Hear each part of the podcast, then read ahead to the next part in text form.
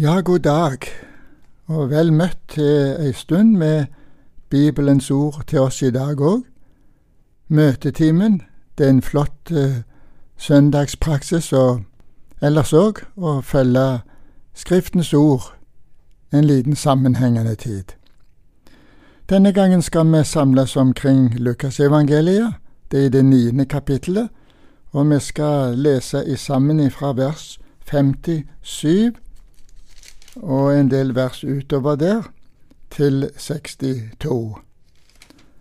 Så vil vi be sammen først. Vi vil takke deg, himmelske Far, for vi får enda en gang komme og høre ditt ord. Og det vet du er en stor ting, at dette ord er levende. Du gav oss det og lot Den hellige ånd få være forklarer for dette ordet, og også banebryter inn i livet vårt Takk at jeg fikk møte deg sånn at du, du frelste meg, og få se det at du har frelst meg og kalt meg med det navnet du ga meg. Takk at du vil velsigne stunden nå. Amen.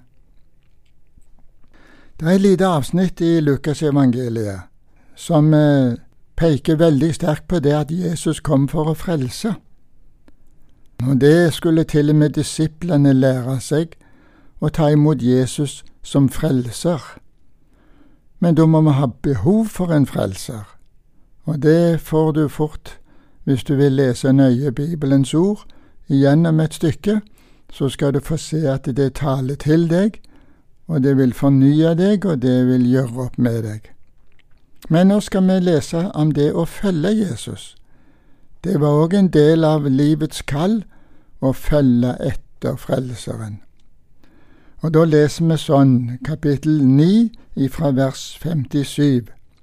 Mens de gikk videre på veien, sa en til ham, Jeg vil følge deg hvor du går. Jesus sa til ham, Revene har huler, himmelens fugler har reder, men menneskesønnen har ikke det han kan helle sitt hode til. Men til en annen sa han, Følg meg. Han sa, Herre, la meg først få lov til å gå bort og begrave min far. Men Jesus sa til ham, La de døde begrave sine døde. Gå du av sted og forkynn Guds rike. Det var også en annen som sa, Jeg vil felle deg, Herre, men la meg først få lov til å si farvel til dem der hjemme. Men Jesus sa til ham, Ingen som legger hånden sin på plogen og ser seg tilbake, er skikket for Guds rike. Amen. Ja, det var de ord som vi skal prøve å samle tankene om denne stunda med Bibelen. Og vi kan sette en liten overskrift over det første bare jeg har lyst til å si, og da er overskriften En Jesu Kristi disippel og også dette å følge Jesus. Det var jo disippelens kall, og hans veiledning, den veiledning han fikk av Jesus, det var å følge etter Jesus. Så mens Jesus gikk her omkring på jord, så kalte han også disipler. Og de som han forkynte frelsen for, altså evangeliet til, ba han om å vende om til han ja, han ba deg å følge etter seg. Frelsen innebar en ny fødsel og en ny vandring. Hele livet ble annerledes ved en ny fødsel, derfor skulle også deres vilje bli annerledes. Også viljen skulle være våken, så den ved siden av å eie en ny indre trang til å følge Herren, også skulle være underlagt tukt, ledelse, omsorg. Disippelen skal sjøl gjøre bevisste valg ut ifra det å være født på ny. Jesus er kommet for å frelse mennesker fra synden og fra Guds vrede. Og da hører vi i teksten vår en mann som sier til Jesus, Jeg vil følge deg hvor du går. Jesus pekte på at det blir vanskelige kår, for revene, de har huler, og fuglene de har reir, men menneskesønnen, som du vil følge, han har ikke det han kan helle hodet til. Det vil altså komme til å koste deg en del å følge Jesus, det må du tenke på. Da spurte denne om han fikk lov til å gå bort og begrave sin far før han skulle følge. Og det var litt grann av skikkene omkring renselse og begravelse i jødisk befolkning. Så var de nøye med det, for det var knappe tid ifra vedkommende var død til han skulle legges i grav. Men dette å spørre om å få gå bort, og ikke følge Jesus ennå før han har gjort renselsesskikkene og den tid det varte etterpå, så sier Jesus, du tenker feil om det å følge meg. Først Guds rike og Hans rettferdighet, det er kallets innhold. Jeg husker godt hvordan det var da jeg ble frelst. Jeg kjente òg dette kallet. Sammen med gleden over frelsen så vokste også trangen til å følge Herren. Det ble en hellig uro her inne som jeg besvarte. Det første jeg svarte med, det var betingelser. Jeg vil følge deg, Jesus, men jeg vil ikke bli prest eller predikant eller misjonær og sånne ting men jeg vil gjerne følge deg. Så kan du tenke når du hører hvordan det der måtte bli noe feil, når en sier at en vil følge Jesus, og så kommer en med mange forbehold, mange betingelser. Ja, jeg må si det at eh, jeg ga meg i alle fall til Jesus, det husker jeg, og jeg møtte Jesus i Ordet. Så er det en ny bønn som vokste fram også hos meg, skje din vilje. Den var jo kjent ifra bønnen Fader vår, og da ser vi hvor aktuell denne bønnen er. Disiplene Andreas og Peter, de fikk kallet konkret følg meg. Det var ikke et spørsmål til vurdering om i hva utstrekning og hva grad de skulle følge, men det ble et enten-eller. De sto opp og fulgte Herren, står det. Og slik var det også med Jakob og Johannes. Slik blei det med mange andre etter hvert, ja, også du og jeg. I tidens løp har nok mange svart nei, og det røynte på forholdet til Jesus. Markus 10 forteller om en som takka nei. Han var rik, og ble bedt om å gi alt han hadde, men han var rik og gikk bort, skuffa. Også andre som tenkte andre løsninger igjen enn å følge ham, de hører vi ikke så mye om. Men det er ikke så lett å leve fortrolig med Herren dersom du er ulydig imot kallet. Snakk med Herren om hva Gud vil gi deg, og hva Han vil med deg. Det blir ofte spørsmål om å prioritere. Men hør, Herren vet hva Han vil utruste deg både til og med når Han bare får deg i følget sitt. Vi kan se litt grann i kapittel 9. Der står det i vers 57 Jeg vil følge deg hvor du går. Og det var også en annen som sa Jeg vil følge deg, Herre. Men la meg først få si farvel til deg hjemme. Det måtte vel ikke være et vanskelig krav. Det burde ikke være et krav, men er en selvfølge. Men det Jesus er ute efter, det er ikke i hvilken grad vi ga han tilslutning til å følge, men hva er det som får komme først?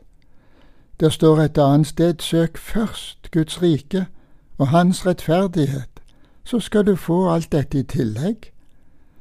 Så her er mye trøst å få og finne for den som vil lytte til ordet og gi seg over til Jesus.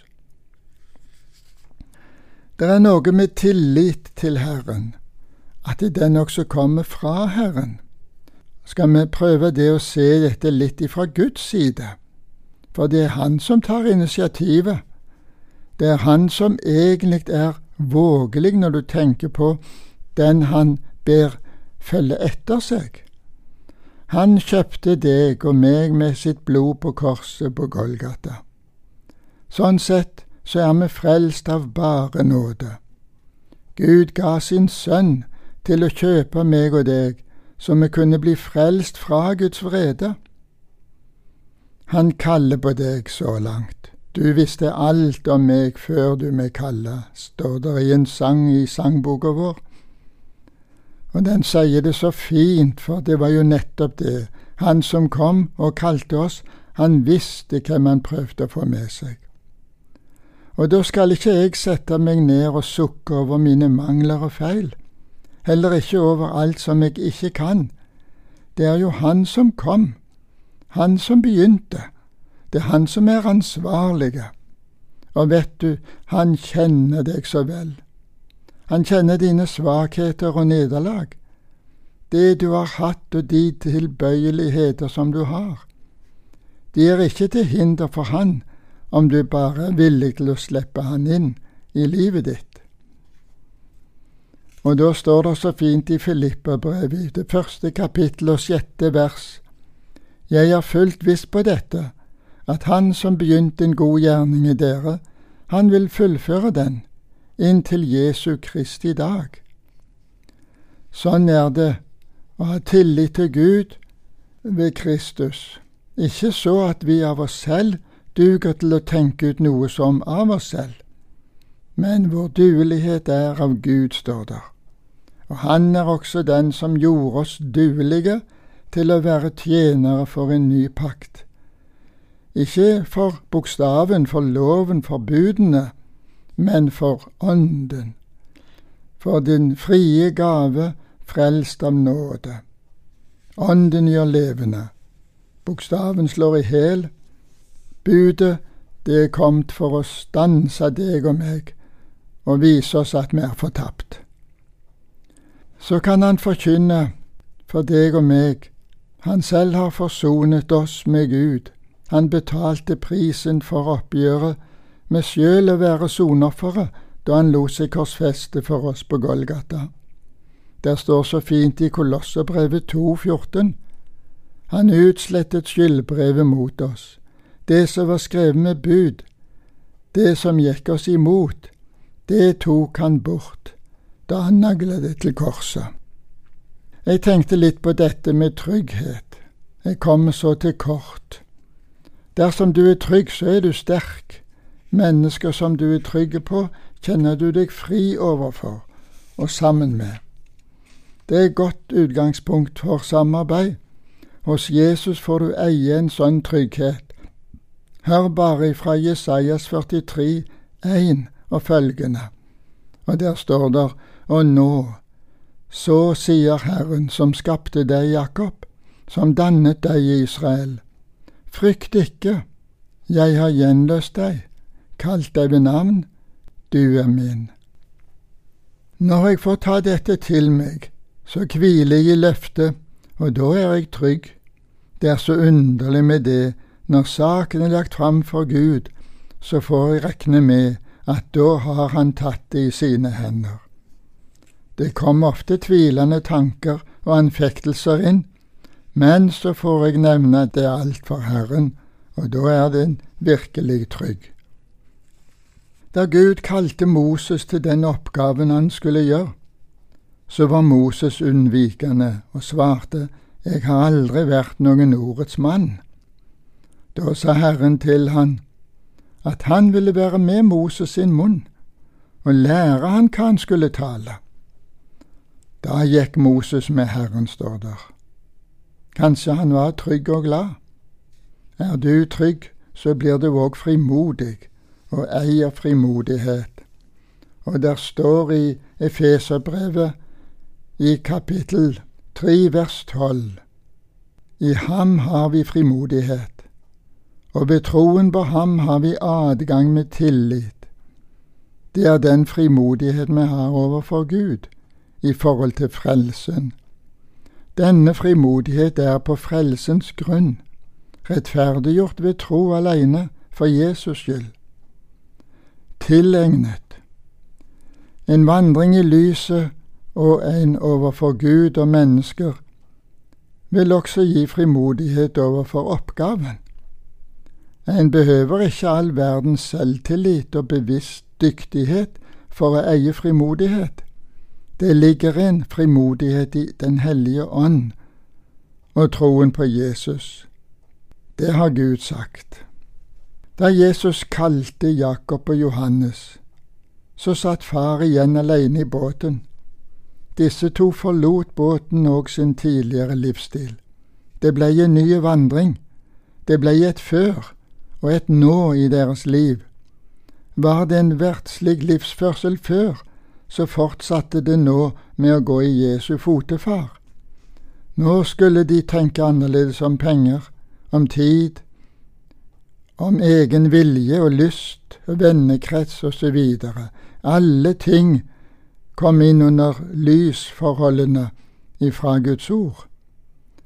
Alt de skulle, og situasjonene de møtte, skulle prøves på ordets trygghet. Dette sier jeg da og vitner i Herren, skriver Paulus. Vandre ikke lenger slik som hedningene vandrer, de som følger sitt tomme sinn. Når det gjelder deres tidligere ferd, så må dere nå avlegge det gamle mennesket som er fordervet ved de forførende lyster. Men bli fornyet i deres ånd og sinn, og ikle dere det nye mennesket, som er skapt etter Gud i den rettferdighet og hellighet som er av sannheten. Det blir et liv i aktiv kamp imot synden i oss og i verden omkring oss, og det å følge Herren. I dette budet er god veileder til en ny vandring. I den tiden Jesus var her på jord, ser vi at disiplene stadig holdt seg nær til Han. En god del tid satt de og lyttet til Han og hadde stadig øye med Han og hans liv og hans lære. Det er en disippels nødvendighet å se og høre på sin mester, lære stadig, for de var ikke utlærte. Slik må det også bli for oss i dag. Ordet bringer Jesus til deg, ordet ble veilederen din. Vi kan til tider merke hvor det svinger med bibellesing og ettertanke. Selv vårt bønneliv endrer seg. Det nye livet er ikke noe vi har på lager, men det lever. Det må bevege seg, røre på seg. Det må ha luft, vann, mat. Samtidig så må det få ytre seg, bekjenne sitt nærvær, gi seg til kjenne. Bli veileder. Det er dette Skriften kaller helliggjørelse.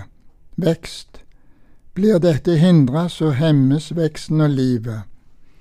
Det er i grunnen åndens frukter som vokser fram.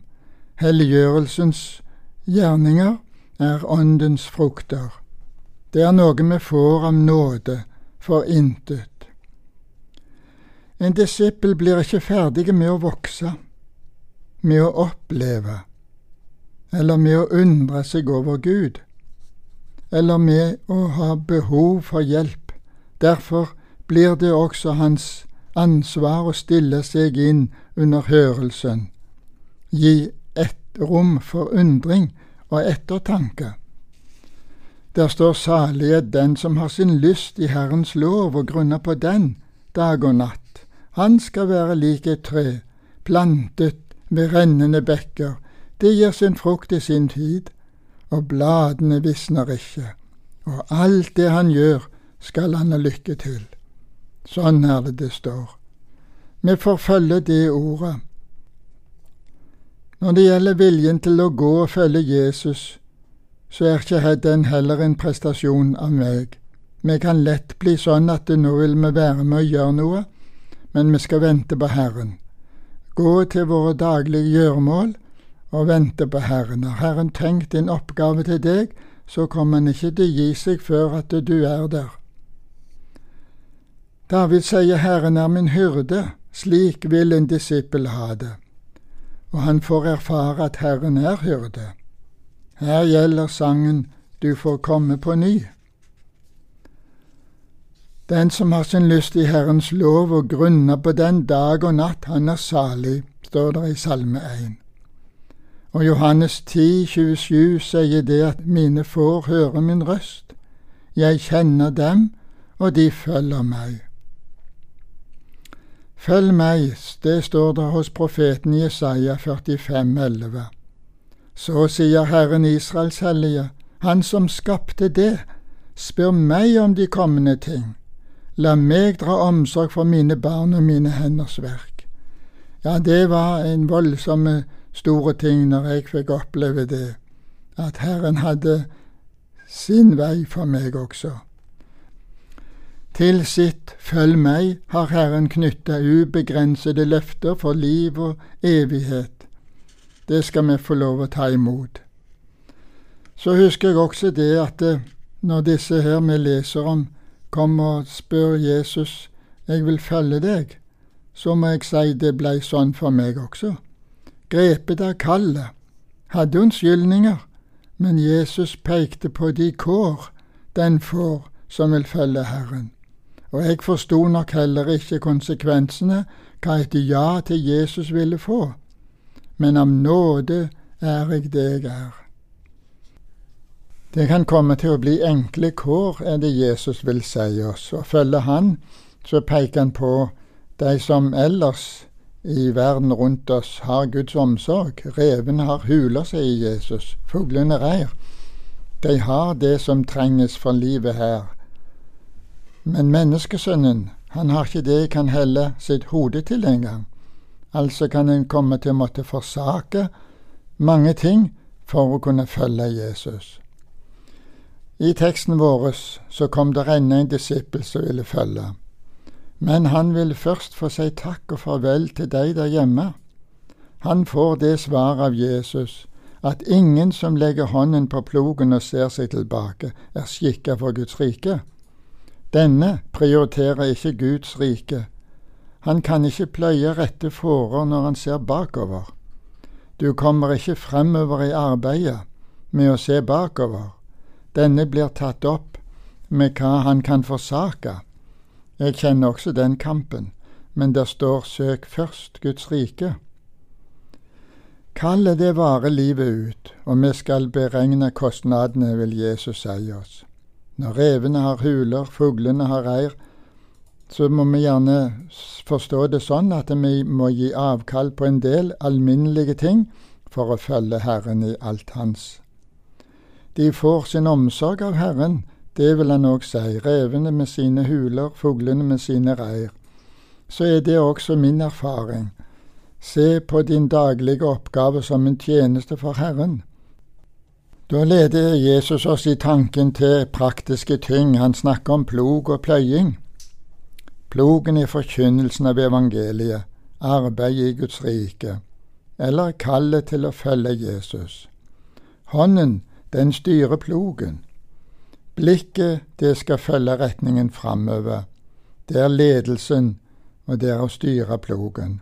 Men legger du hånden på plogen og ser deg tilbake, så er du ikke skikket for Guds rike, sier Jesus. Det er ikke et fullstendig arbeid.